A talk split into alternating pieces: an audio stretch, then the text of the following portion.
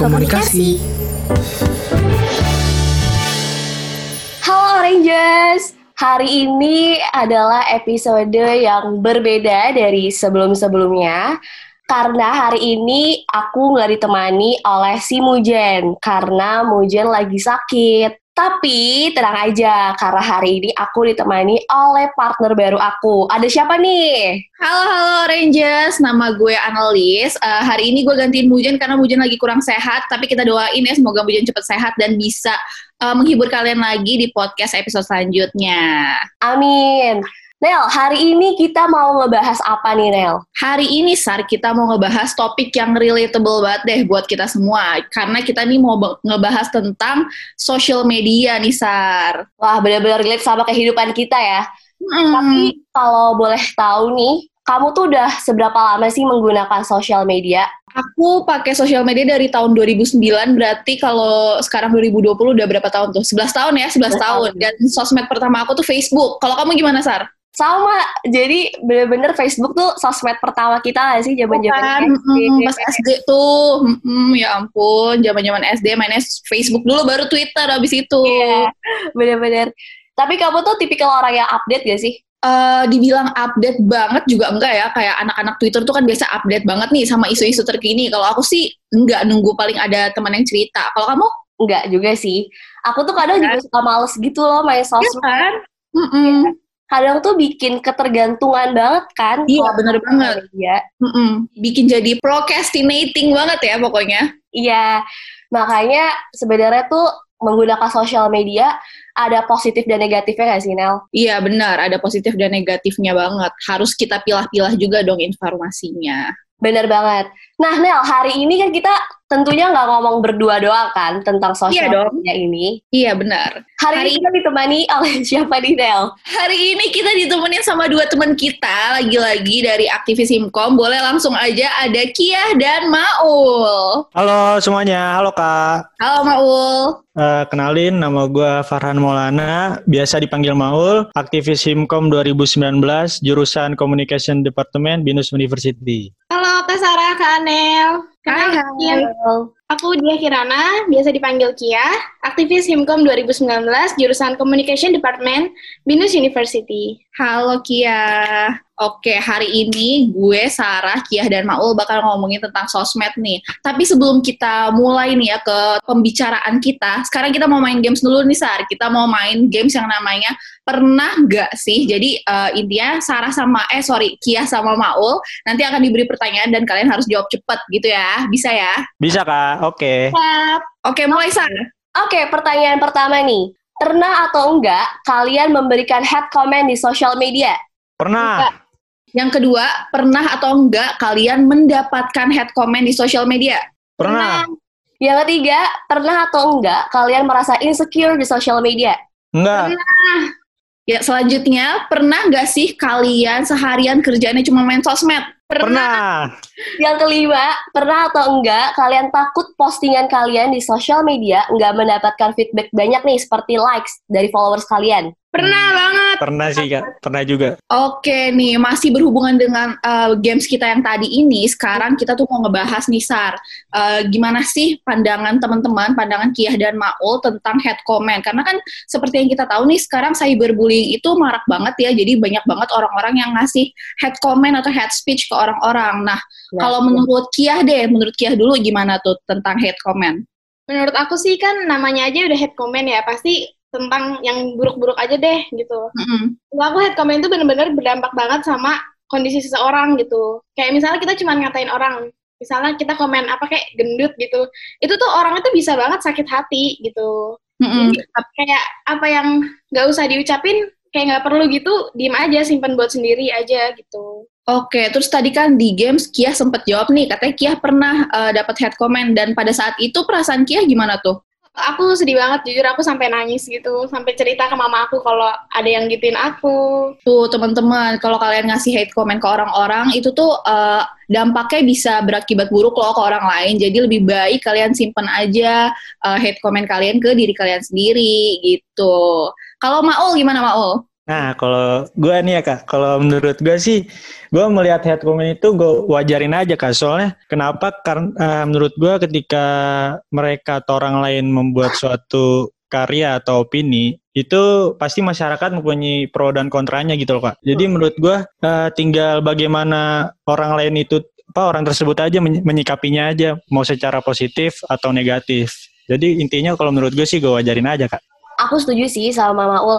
Soalnya kan aku tipe orang yang rada cuek gitu kan. Jadi kalau misalkan ada pendapat yang negatif mengenai diri aku kayak ya udahlah yang tahu hidup gue kan gue doang gitu kan kayak mereka tuh cuma tahu dari cover kita doang jadi kayak mending dibodoh amatin gak sih Nah, asli, bener kak. Iya kan? Bener sekali. Tapi kalau boleh tahu nih, seberapa sering sih kalian tuh menggunakan sosial media? Dan biasanya dengan waktu yang selama itu, kalian tuh gunain sosial media untuk apa sih? Kalau Maul sendiri gimana Maul? Wah, kalau gue cukup sering sih kak gunain sosial media. Ya gue gunain sosial media ya uh, salah satunya ya mencari hiburan aja sih kak. Soalnya kan kalau lagi bosen atau gabut ya lihat-lihatlah sosial media atau enggak juga mencari tahu tentang informasi yang terkini kan atau enggak juga hubungi teman atau keluarga melalui media sosial bisa juga kalau saya sih kayak gitu kak. Iya sih benar soalnya uh, zaman sekarang tuh sosial media bisa digunakan untuk mencari informasi sebanyak mungkin kan itu positifnya. Kalau negatifnya ya bisa bikin insecure, ya nggak sih salah satunya. Banget. Kalau dari uh, pendapat Kiah sendiri gimana nih? Kamu tuh sering gak sih gunakan sosial media? Uh, dulu sih pas zaman kuliah uh, offline nggak screen time-nya tuh nggak begitu sering gitu karena sibuk kan. Tapi semenjak pandemi ini kayak aku tiap hari tuh tidur jam 6 pagi gara-gara ya mantengin itu, mantengin sosial media. Ya, biasanya dipakai buat uh, biasanya dipakai paling cuma buat ngeliat apa aja gitu yang lewat di timeline, liatin aja gitu. Tapi biasanya sosmednya apa tuh yang kamu buka kayak Instagram kah atau TikTok gitu? Uh, biasa aku Instagram sama Twitter tuh. Di situ tuh kayak banyak banget, uh, apalagi di Twitter itu kayak banyak banget info-info yang gitu deh. Jadi informasi yang menarik, treat-treat gitu-gitu yang informatif banget. Jadi lumayan lah ngisi-ngisi otak sedikit gitu. Iya sih, aku juga punya temen tuh ya, uh, dia tuh aktif banget di Twitter dan uh, ternyata tuh di Twitter banyak banget nih kayak isu-isu menarik yang bisa kita diskusiin bareng sama anak-anak Twitter lainnya gitu ya kan? Iya banget, iya banget. Nah, tapi nih ya kalian kalau misalnya posting konten atau misalnya foto gitu di sosmed, misalnya Instagram let's say, kalian tuh ada jam-jam tertentunya gitu nggak sih? Kayak misalnya uh, kalau temen gue ya, gue punya teman, jadi dia tuh selalu ngepost hari Sabtu jam 6 sore, dia selalu kayak gitu. Karena katanya feedbacknya feedbacknya tuh lebih banyak di jam itu. Nah kalau kalian ada nggak sih kalau dari uh, Kiah deh Kiah ada nggak? Eh, jam-jam uh, tertentu tuh biasanya uh, tengah malam. Aku kayak suka mantengin gitu kan. Kayak ngupload foto tuh banyaknya kapan nih? Kalau tengah malam itu banyak banget yang like. Tapi kalau misalnya hari eh jam-jam kayak siang gini jarang. Terus ada juga kalau misalnya aku upload muka aku, itu komennya banyak. Tapi kalau aku upload yang lain, kayak aku foto konser, foto pantai, itu nggak ada yang komen. oh iya benar. Berarti kamu uh, menentukan jam itu karena followers kamu lebih aktif di jam itu ya, lebih banyak feedbacknya lah ya. Iya iya benar banget. Nah kalau Maul? Nah kalau gue, uh, yang penting sih bukan jam tidur sih kak. Yang pasti bukan malam hari. Kalau gue kayak yang penting jam-jam orang masih bangun aja sih kalau gue. Lebih tepatnya ya pagi, siang atau enggak sore. Kalau gue sih gitu kak. Kalau mau upload, mau posting. Oh berarti dari kalian semua tuh menggunakan prime time Instagram gitu nggak sih? Soalnya kalau aku jujur ya, kalau misalkan mau posting foto di Instagram, hmm. itu aku menggunakan prime time Instagram gitu loh. Kayak misalkan jam 5 sore, itu tuh pasti jam 5, jam 6, jam 7, itu jam-jam orang yang lagi sering-sering scroll profile Instagram gitu. Jadi ya kan yeah, yeah. Uh, orang tuh kayak ngelihat foto kita. Itu sih kalau dari Instagram aku ya. Tapi kalau dari kamu sendiri Nel, ada gak sih kamu kayak aku gitu nggak? Misalkan ngeposting foto harus jam sekian gitu. Enggak sih, kalau aku jujur aja, misalnya nih ya uh, pengen nguploadnya tengah malam, kayak gue tuh sering banget iseng uh, ngupload foto tengah malam, abis udah gue nggak mau buka lagi karena emang insecure aja gitu, jadi kayak upload langsung udah tutup tutup nggak mau lihat lagi gitu. Kalau gue kayak kapan aja nguploadnya. Berarti kita beda-beda ya? Iya beda-beda nih kita kak. Tapi balik lagi nih. Uh, tadi kan kita udah ngebahas soal seberapa lama kalau kalian menggunakan sosial media.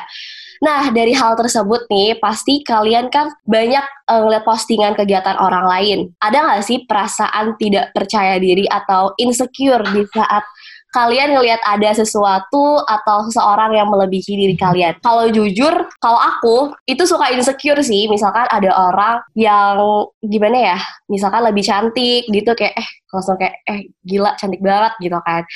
Tapi enggak sih sebenarnya aku lebih insecure lagi kalau orang itu udah cantik terus berprestasi pinter kan terus paket itu aku lebih insecure banget sih gitu. Kalau misalkan dari Kia sendiri pernah gak sih ngerasain insecure kayak gitu? Insecure tuh pasti ya apalagi kan sekarang kayak semua sosmed itu larinya ke Instagram gitu. Dan mm -hmm. Instagram itu yang paling sering dibuka. Uh, kita ngeliat cewek-cewek TikTok cantik-cantik banget tuh kayak langsung uh, gitu kayak kayak ngerasa kecil banget gitu gak sih?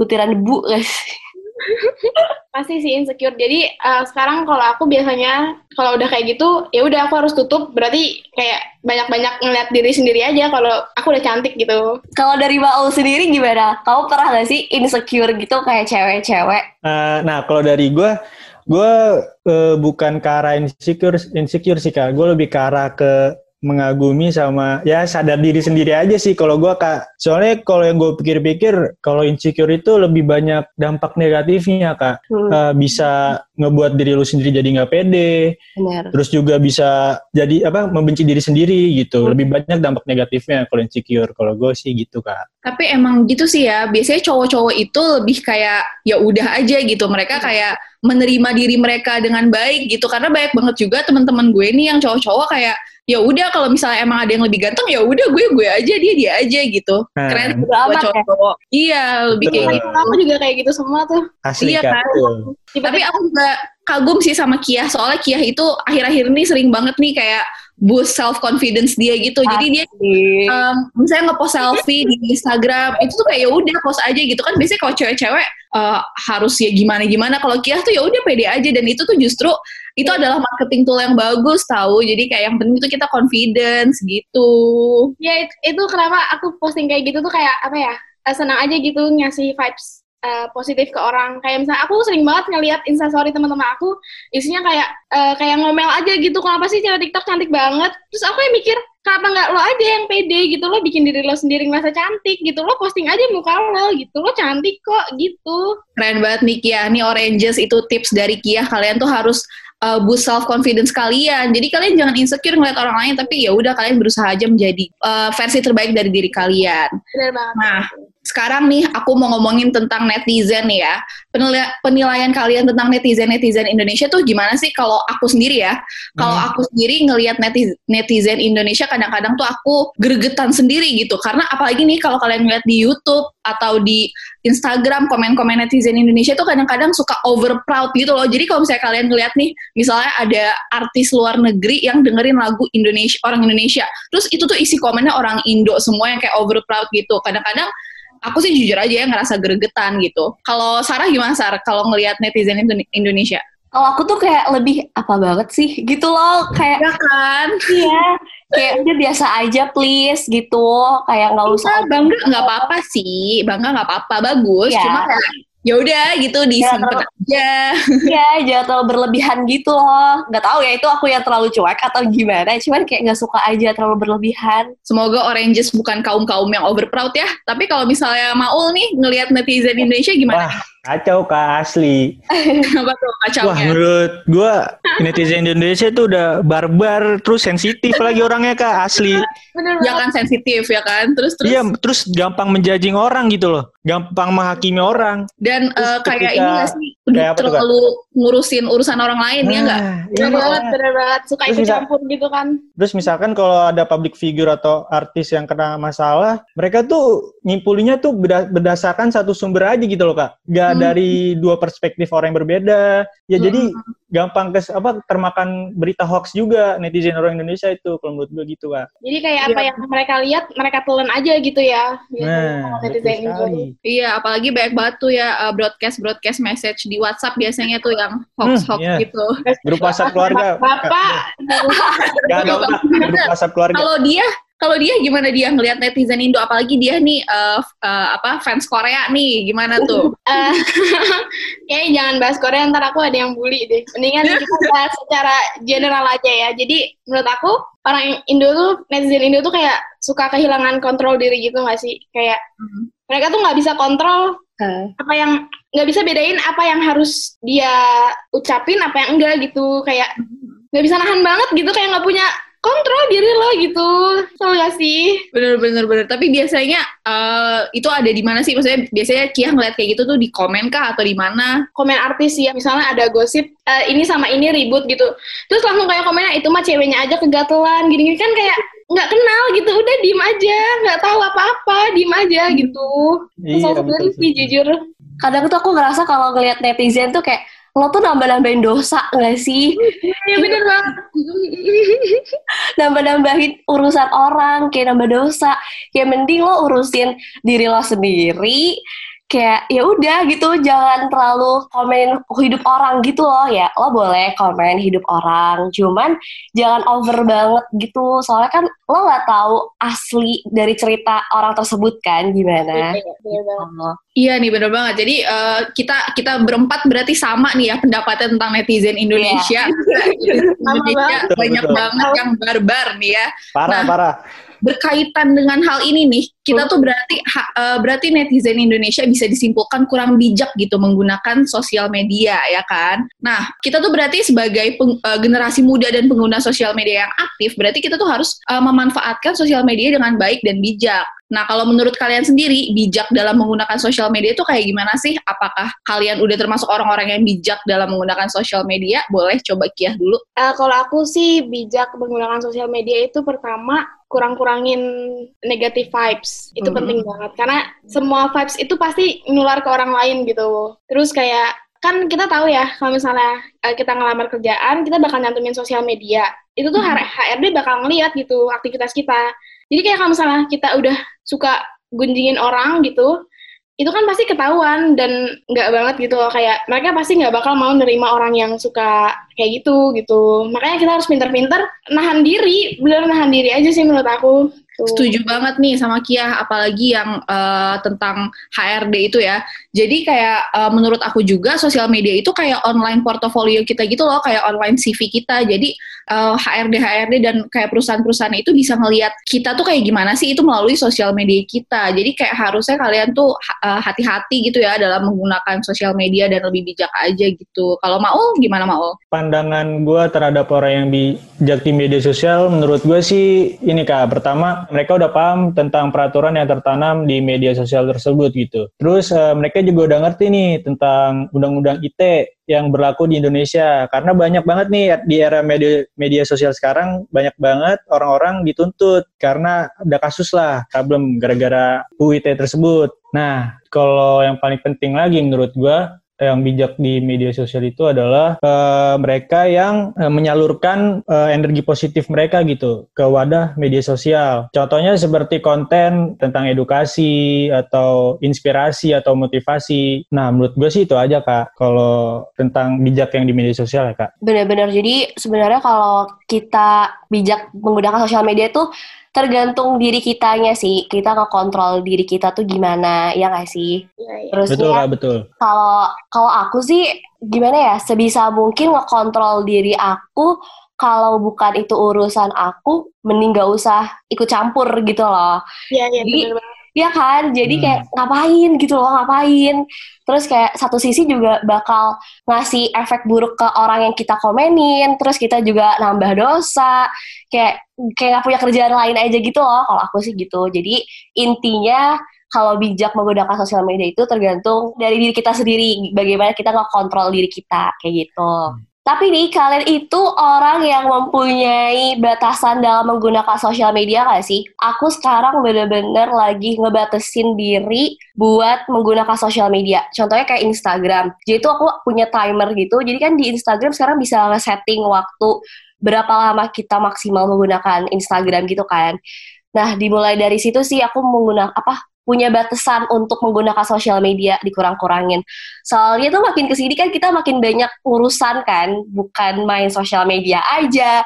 Kita punya urusan di in real life-nya gitu kan. Jadi Bener kak, bener. Iya, jadi kayak aduh buang-buang waktu sebenarnya kalau misalkan terlalu kecanduan dengan sosial media. Nah, kalau Kia sendiri nih, kau punya batasan gak sih dalam menggunakan sosial media? Uh, aku sih batasannya sampai aku capek aja kayak sebenarnya aku sampai screen time tapi aku sering kayak bolos udahlah pakai aja bentar lagi 15 menit lagi gitu-gitu tapi sekarang sih lebih kayak ke ngebatasin diri buat nggak usah komen macam-macam aja sih gitu hmm. kayak misalnya uh, kan lagi rame isu ini isu itu politik ini itu hmm. jadi kayak aku uh, itu kan bukan ranahnya aku ya jadi aku batasin diri buat nggak komen yang aku nggak ngerti gitu loh. Hmm, bener-bener. Tapi kalau untuk batasin waktu make sosmed itu kayak udah nggak bisa sih kayak secapeknya aja. Tapi kadang emang akhir-akhir ini karena isinya itu-itu aja capek sih gitu. Jadi aku kalau sadar diri langsung tutup aja. Gitu. Berarti kalau Kia sendiri sampai capek ya, bukan dari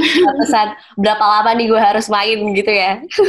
lagi lagi liburan gini kayak apalagi liburannya gitu. Liburan. Iya sih. Benar benar benar. Ya kan? Liburannya sih iya benar betul. Kalau Maul sendiri gimana Maul? Kau punya batasan nggak? Kalau gue nggak ada batasan ya kak tentang menggunakan sosial media sih gue nggak ada batasannya kak gue bebas bisa main kapan pun di mana pun. Cuman yang penting gue tahu waktu kak. Hmm. Kalau emang gue disuruh uh, bantuin ortu dulu, disuruh beli apa, ya gue bantuin dulu. Yeah. Kalau emang gue lagi free atau gabut, ya gue main aja daripada gue ngapa-ngapain, cari hiburan aja. Kalau gue gitu, simple sih kak. Daripada oh. jadi anak kurang ajar ya, main. Nah, betul. Berarti kalau mau, yang penting selesain dulu gitu ya tanggung nah, jawab. Iya, harus tahu tanggung jawabnya apa, baru boleh dah tuh. Kan main sosmed. Iya, kan laki-laki harus bertanggung jawab, betul tidak kak? Ya kan kak? Kayaknya Maul calon imam yang baik nih ya. Wah, alhamdulillah, betul sekali ya. Alhamdulillah. Maul, Maul. Ya Allah. Kalau dari gue nih, hmm? gue juga nggak ada batasan yang, maksudnya kayak nggak ada timernya gitu loh, nggak ada um, batasan waktunya kalau waktu ya. Tapi kalau gue ngebatasinnya lebih ke informasinya, karena jujur aja gue orangnya cepet cemas gitu loh. Jadi kalau misalnya gue ngelihat informasi yang nggak harusnya gue lihat, gue tuh bakal kepikiran sampai nggak bisa tidur gitu. Jadi mendingan kayak apalagi nih berita-berita tentang corona, kayak kan kita tetap harus update dong ya tentang corona. Tapi kalau misalnya gue makin cari tahu nih tentang corona, gue tuh jadi nggak bisa tidur gitu. Jadi kayak deg-degan sendiri. Jadi lebih baik kayak yaudah kita batasin deh nih apa yang boleh dilihat apa yang mendingan gak usah gitu. Jadi ya kayak si Kia gitu sih lebih ngeliatnya yang positif-positif aja gitu. Eh BTW nih kalian kalau mau ngepost sesuatu di sosmed misalnya apalagi Instagram gitu ya mau ngepost foto kalian di Instagram hmm. biasanya kalian tuh mempertimbangkan dulu gak sih? Mikir-mikir dulu gak sih? Kalau gue sendiri jujur gue mempertimbangkan banget gitu ya. Bahkan gue sering banget tuh ada satu orang temen gue yang sering banget gue tanyain ini bagus gak sih? Kalau ini gak bagus ya apa bagusan yang ini? Gue tuh sering banget nyuruh dia milih foto buat gue. Karena kayak gue takut aja gitu insecure kan? Bener banget insecure. Iya, nah kalau misalnya kalian sendiri kalian kayak gitu gitu nggak sih kayak kalau mau ngepost sesuatu pikir-pikir dulu nggak sih apa gimana kalau Kia gimana? Uh, kalau aku sih uh, sama kayak Kak Anel persis banget. Jadi kalau misalnya foto, kalau misalnya urusan foto gitu, aku selalu ngirim semua foto yang udah aku take, aku kirim ke temen aku, aku suruh mereka pilih yang bagus yang mana, itu aku kirim. Hmm. Tapi kalau misalnya urusan kayak uh, mana yang kiranya bakal nyakitin orang, mana yang enggak, itu kayak aku sih uh, menurut aku, aku udah menurut aku sendiri ya, aku udah lumayan bijak gitu loh mana yang kiranya kalau aku ngomongin ini bakal ada yang sakit hati nggak nih gitu. Pasti aku pikirin banget kalau kayak gitu tuh dibanding nanti itu jadi bumerang malah jadi blunder gitu ke aku sendiri. Jadi hmm. pasti aku pikirin banget kalau setiap ngepost okay. sesuatu. Kalau foto berarti tetap ya kita harus nanya-nanya dulu. harus tahu perspektif orang kan. Bisa aja tuh foto cantik di kita pas orang lain lihat oh lo pilih yang ini sih? Bagusannya ini gitu nggak sih? Iya, bener-bener banget kalau berpendapat baru tuh ya kalau saya berpendapat sepertinya kita nih umur-umur segini ya udah harusnya tuh udah sadar ya mana yang ya, udah ngerti kan udah ngerti. iya benar banget. Benar kalau mau gimana? Mau uh, tipe yang mikir-mikir dulu atau pos aja pos aja gitu mikir sih dikit cuman lebih ke pos aja sih kalau gua kayak paling kalau yang mikir ya paling tetap apa mikirin edit edit doang gitu kalau gue sih lebih ke suka as langsung post aja kan soalnya postingan foto gue ya gue juga gitu loh jadi ngapain dipikirin juga, kecuali emang gue bawa-bawa, misalkan nih contoh misalkan gue bawa-bawa isu politik atau segala macam, itu kan bisa menyinggung uh, pihak masyarakat gitu loh. Makanya itu gue mikir-mikir tuh kalau emang gue mau ngeposting tentang isu politik dan segala macam. Cuman kalau emang postingannya itu muka gue sendiri atau gue foto di tempat lain, yang ngapain dipikirin juga gitu. gue sih gitu kan. Kalau nggak mikirin kayak, ini gue ganteng nih di foto ini gitu. Kalau nggak mikirin gitu? Iya, ya dikit lah ngapain juga soalnya gitu. Soalnya muka lu gitu-gitu aja kan ya? iya nggak berubah-berubah gitu kan. ya juga sih ya benar-benar tuh. Tapi kalau cewek beda soalnya kadang cewek make upnya tuh cantik banget, kadang biasa ya. aja gitu. Jadi pasti harus milih. Hmm. Berarti oh. ternyata cewek-cewek sama-sama kayak gitu ya. Kira itu hmm. cuma aku doang. Aku tuh juga suka kayak kalian gitu loh, Nel, Kia misalkan aku punya foto nih, aku habis foto-foto nih. Terus kayak aku pilih dulu nih, aku seleksi dulu nih yang menurut aku bagus. Terus aku minta teman aku, eh menurut kamu bagus yang mana? Semua cewek kayaknya gitu deh, kita nggak bertiga doang kok. iya.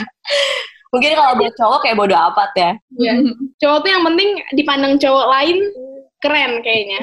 Ya nggak sih? Wah, kayaknya paham banget nih kayaknya. kayak udah pengalaman banget nih. Gue cowok semua.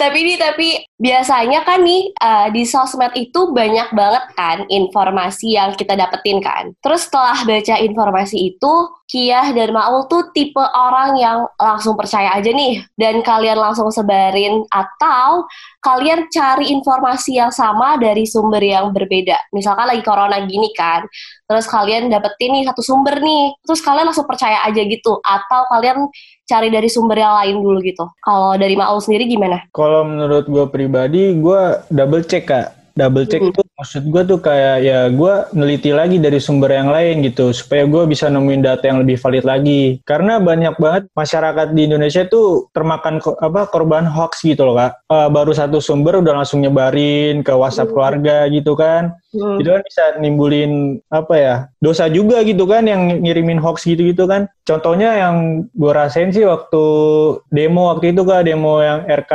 UHP tuh kak. Kan di situ ada tuh penyebar hoax tuh kak kayak apa ngeliatin polisi mukul-mukulin mahasiswa padahal itu bukan video aslinya. Kayak gitu sih salah, salah satu contoh hoaxnya gitu menurut gue. Oke berarti kamu tuh tipe orang Indonesia yang apa-apa double check dulu ya, bukan yeah. yang langsung dapat satu informasi langsung percaya. Iya, apalagi nyebarin juga gitu. Iya, benar-benar. Kalau Kia nih gimana nih Kia nih? Ya double check atau langsung percaya aja? Nah, kalau aku double check gitu ya. Biasanya kalau info info kayak gitu tuh aku dapatnya kan dari Twitter. Misalnya hmm. aku udah baca keseluruhan tweetnya, itu tuh aku selalu cek gitu di di reply-nya gitu kayak ada nggak nih pendapat yang berlawanan? gitu. Terus biasanya uh, di Twitter tuh kan kayak orang nge-tweet dikit entar dia bakal ada yang ada aja gitu argumen lain gitu. Nah ya pasti aku cross check dulu gitu. Dan aku bukan tipe orang yang apa ya kayak gampang percaya informasi gitu. Jadi nggak bisa aku telan mentah-mentah aja gitu. Nah. Nah, kalau dari Anel sendiri nih, gimana nih Nel, kamu Nel? Orang yang tipe double check atau langsung percaya? Kamu double check, double check, bakal triple check kali ya? Iya, benar. karena punya terus issues ya. Lagi karena gampang cemas gitu, gampang kayak gue gue tuh kalau ngeliat berita, baru ngeliat headline aja gue udah panik gitu. Jadi gue tuh harus bener-bener cari mana nih sumber yang bener-bener terpercaya gitu. Terus gue cari lagi dari sumber-sumber lain yang terpercaya juga, baru gue bisa simpulin gitu. Karena jujur aja kalau misalnya gue ngelihat uh, berita dan gak gue saring dulu terus itu tuh bakal gue nggak bisa tidur malam entar kalau misalnya itu beritanya yang buruk apalagi gitu kayak misalnya tentang bencana atau tentang politik atau apa kayak gitu sih. Kalau Sarah berarti juga pasti double check dong. Iya. Karena kayak aduh masa sih kayak gini? Gitu loh. Kok orangnya kadang suka kayak kepoan gitu juga. Hmm. Berarti kita setipe ya kalau bisa kayak cari informasi yang double check. Iya, apalagi uh, di mana kalau headline berita gitu ya, itu kan pasti yang bener-bener orang tuh kayak iya apa nih penasaran klik. Iya, gitu. iya. iya. Clickbait, clickbait. Iya, dan orang itu kayak baca itu aja pasti udah kayak apa nih? Aja gitu kayak gitu gampang percaya aja gitu kalau orang lain kan. Iya kan? bener banget. maka sering banget kan misalnya ada orang uh, share kayak web gitu itu tuh aku pasti klik dulu isinya aku buka apa jangan langsung buset gila masa iya sih? gitu-gitu pokoknya. Tapi nih kalau misalnya masih ngomongin tentang sosial media nih ya kalian tuh tipe orang yang kayak kalau ngelihat postingan orang lain tuh ya udah bodo amat gitu. Atau kalian tipe yang uh, kalian suka menilai atau bikin perspektif sendiri tentang postingan orang lain gitu. Jadi kalau misalnya ada orang ngepost nih kalian tuh tipe ya udah le uh, lewat aja gitu. Atau kalian tipe yang gua nggak setuju nih sama ini. Kalau menurut gue tuh gini gini gini gini. Kalau Kalian gimana? Kalau mau gimana mau? Nah, kalau menurut gue tergantung kak, tergantung background orang tersebut, latar belakang orang tersebut. Kalau emang background mereka itu misalkan ya ketua BEM atau orang-orang penting lah, nah itu kan pasti uh, eh, gue ngeliat dulu, gue kasih nilai pendapatnya kayak gimana. Kan bisa disaring juga gitu, bermanfaat juga, bermoral juga. Nah beda halnya kalau latar belakangnya udah toksik kan, terus banyak ngomong gak jelas, nah itu ya masa harus dikasih nilai kan udah tahu juga juga gak, gak bermoral juga gitu nggak harus di ya jadi di masa bodohin aja kalau menurut gue gitu. Tapi kalau misalnya kan kita sering lihat nih akhir-akhir ini banyak banget ya orang yang uh, apa tuh namanya di snapgram gitu di story di insta story mereka uh, bales-balesan gitu. Kayak misalnya si A ngomong bla bla bla terus si B nggak setuju terus si B uh, mengkaji dari pandangan dia kayak gitu. Kalau mau nggak gitu ya atau gimana? Tergantung juga sih kak kalau itu. Kalau Kia Kia tipe yang gimana Kia? Kalau aku kalau misalnya soal pendapat gitu aku sih kayak cukup tahu kalau itu sudut pandang dia gitu. Itu sudut pandang dia kayak aku nggak aku nggak mau debatin gitu. Kayak ih gue nggak setuju nih gitu. Kayak ya udah kalau itu pendapat lo ya udah gue respect gitu. Cuma kalau urusan foto atau gimana pasti kan kayak ada ya. Sering gak sih kita orang upload foto tuh kayak ih kok kayak gini sih alisnya? Ih kok kayak gini sih? Gitu itu tuh aku kenal seseorang yang dia itu tiap orang foto tuh dia selalu komen kayak bener-bener semua di komen ngapain sih ini orang pakai topi? gitu-gitu. Dan yeah. itu aku kenal orang itu dan itu tuh dia bener-bener kayak nggak bisa bahagia sama dirinya sendiri gitu loh. Jadi kalau misalnya dia ngupload foto itu tuh satu foto kayak butuh empat bulan buat dia pertimbangin cocok apa enggak diupload. Soalnya gara-gara gara-gara dia mikirin orang lain. Jadi dia juga kayak takut orang lain punya komen yang sama gitu. Beneran ada orang kayak gitu tuh. Itu nggak bagus banget gak sih? Terlalu mikirin apa iya pendapat ya orang lain ya gak sih? Bener kak. malah hmm. mikirin pendapat soalnya dia sering komenin orang gitu gara-gara kayak gitu. Jadi ngerugiin diri sendiri sih kak kalau kayak gitu sih. Iya benar. Jadinya dia kehilangan percaya diri itu. Mm -hmm. padahal kayak ya udah ini kan Instagram gue misalkan iya. Nah, iya benar banget kan. Nah kita kan udah ngebahas lumayan banyak nih soal sosial media. Ada nggak sih yeah. pesan atau tips untuk oranges di luar sana supaya lebih bijak dalam menggunakan sosial media Siapa dia mau duluan, Kia atau Maul ngasih pesan? Kia, ayo Kia. Maul nih langsung. Ayo Kia, harus kasih tips. Kasih tips Kia. Pertama, maka sosial media tuh pastiin kalau kalian itu ada di mood yang bagus. Itu ngaruh banget sama apa yang kalian kepik. Hmm. Terus kayak kalau misalnya itu sesuatu yang kamu nggak ngerti, uh, kamu cukup liatin pendapat orang aja, kayak tambah informasi gitu. Jangan kamu ngeluar informasi yang padahal kamu sendiri punya ilmu nggak seberapa gitu. Terus kayak tolonglah jadi manusia gitu. Kayak kalian punya perasaan kan kayak cobalah posisikan diri kalian di situ gitu. Pasti sedih gitu ada orang yang tiba-tiba komenin hal yang kalian sendiri pun kayak kalau digituin nggak mau gitu. Dan harus banget diingat kalau sosial media itu bumerang buat diri sendiri. Apa yang kalian ketik kalian baca itu larinya ke diri kalian sendiri. Dan sosial media itu ranah publik, walaupun seprivate apa pun, pasti ada aja yang bisa lihat postingan kalian. Misalnya kalian di second IG, terus kalian komenin artis, ih kenapa sih kayak gini gini gini? Itu tuh pasti banyak banget yang baca walaupun dia nggak tahu itu kamu siapa gitu. Betul. Mungkin masa depan itu tuh kayak ngaruh banget apalagi sekarang dunia digital kan kayak semua itu bisa dicek gitu lewat apa yang kalian lakuin di internet itu bisa dicek gitu. Jadi ya kurang-kurangin lah gitu kayak bijak sama diri sendiri gitu sih. Kalau aku banyak banget ya tipsnya ya. Wih gak apa bagus Kia. Bagus bagus. Bermanfaat sekali. Sangat bermanfaat. Maaf gue abisin Gak apa Kia, nah itu dia tips dari Kia nih. Intinya jejak digital tuh nggak bakal bisa hilang sampai kita tua nanti kan. Makanya harus lebih bijak lagi kita menggunakan sosial media. Nah kalau dari mau sendiri, kasih dong pesan nah. atau tips untuk oranges di luar sana nih dari versi kamu. Untuk para oranges di luar sana, sepertinya poin pentingnya sudah diambil semua ya oleh Kia. maaf banget, maaf banget. Nggak apa-apa ya, sangat bermanfaat untuk para Rangers luar sana yang dengerin podcast ini, kalau dari gue pribadi, yuk uh, mari kita ubah diri kita sendiri menjadi yang lebih baik dan positif untuk generasi yang terbaik. Itu aja. Mantap, mau. Mantap, keren, keren banget. banget. Keren banget nih pembicara kita Maul dan Kiah ini kayaknya ahli sosmed nih ya. Iya.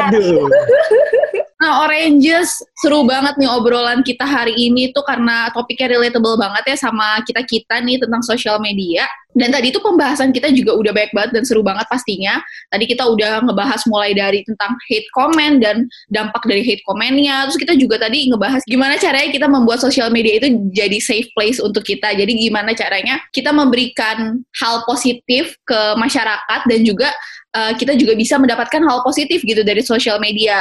Lebih ke gimana caranya kita akhirnya bijak gitu menggunakan sosial media ya Oranges. Jadi ke depannya nih buat Oranges dan buat Kia, Maul, Sarah, aku, semoga kita juga bisa makin apa ya makin positif lah ya menggunakan sosmed gitu. Jadi kita dapat manfaatnya gitu. Jadi eh, nggak uh, buruk-buruknya. Dan semoga netizen Indo bisa jadi lebih dewasa ya teman-teman ya. Amin ya Allah. Amin. Amin. Ya Allah. Amin. Yang paling didoakan kayaknya ya. Iya nih sangat-sangat didoakan. Untuk Kia dan Maul terima kasih banyak buat waktunya hari ini. Iya. Yeah. udah meluangkan waktunya. Iya terima kasih juga ya kak. Sama-sama. Banyak Maul Terima kasih, Kia juga. Terima kasih teman-teman. Terima kasih juga buat Anel sudah menemani hari ini menggantikan Mujen yang lagi sakit. Sama-sama, semoga Mujen cepat sembuh ya Mujen ya, biar balik lagi ke podcast ini. Pokoknya sekali lagi terima kasih buat Kia, Maul, dan Anel buat hari ini. Dan untuk Oranges di luar sana, gak bosan-bosannya aku selalu ngingetin kalian kalau mau ngasih feedback mengenai podcast ini, kalian bisa banget langsung aja DM ke via Instagram kita di @himkombinus dan jangan lupa untuk follow semua sosial media Himkom. Yang pertama ada Twitter di @himkombinus, lalu ada YouTube dan Facebook di Himkombinus. Selain YouTube, Twitter, dan Instagram, Himkom juga mempunyai line official di @913BYKZJ. Nah, untuk minggu depan tentunya kita akan ngebahas hal yang tidak kalah serunya dengan episode hari ini. Dan semoga Mujen minggu depan udah bisa balik lagi Amin. ke podcast ini. Amin, Allah. Makanya Oranges pantengin terus podcast Kisah Kasih ya. Ingat setiap hari Jumat jam 5 sore. Sore. Sampai ketemu lagi di episode selanjutnya. Gue Sarah Bye-bye. Dan gue Anlis pamit undur diri. Bye Oranges. Bye Oranges.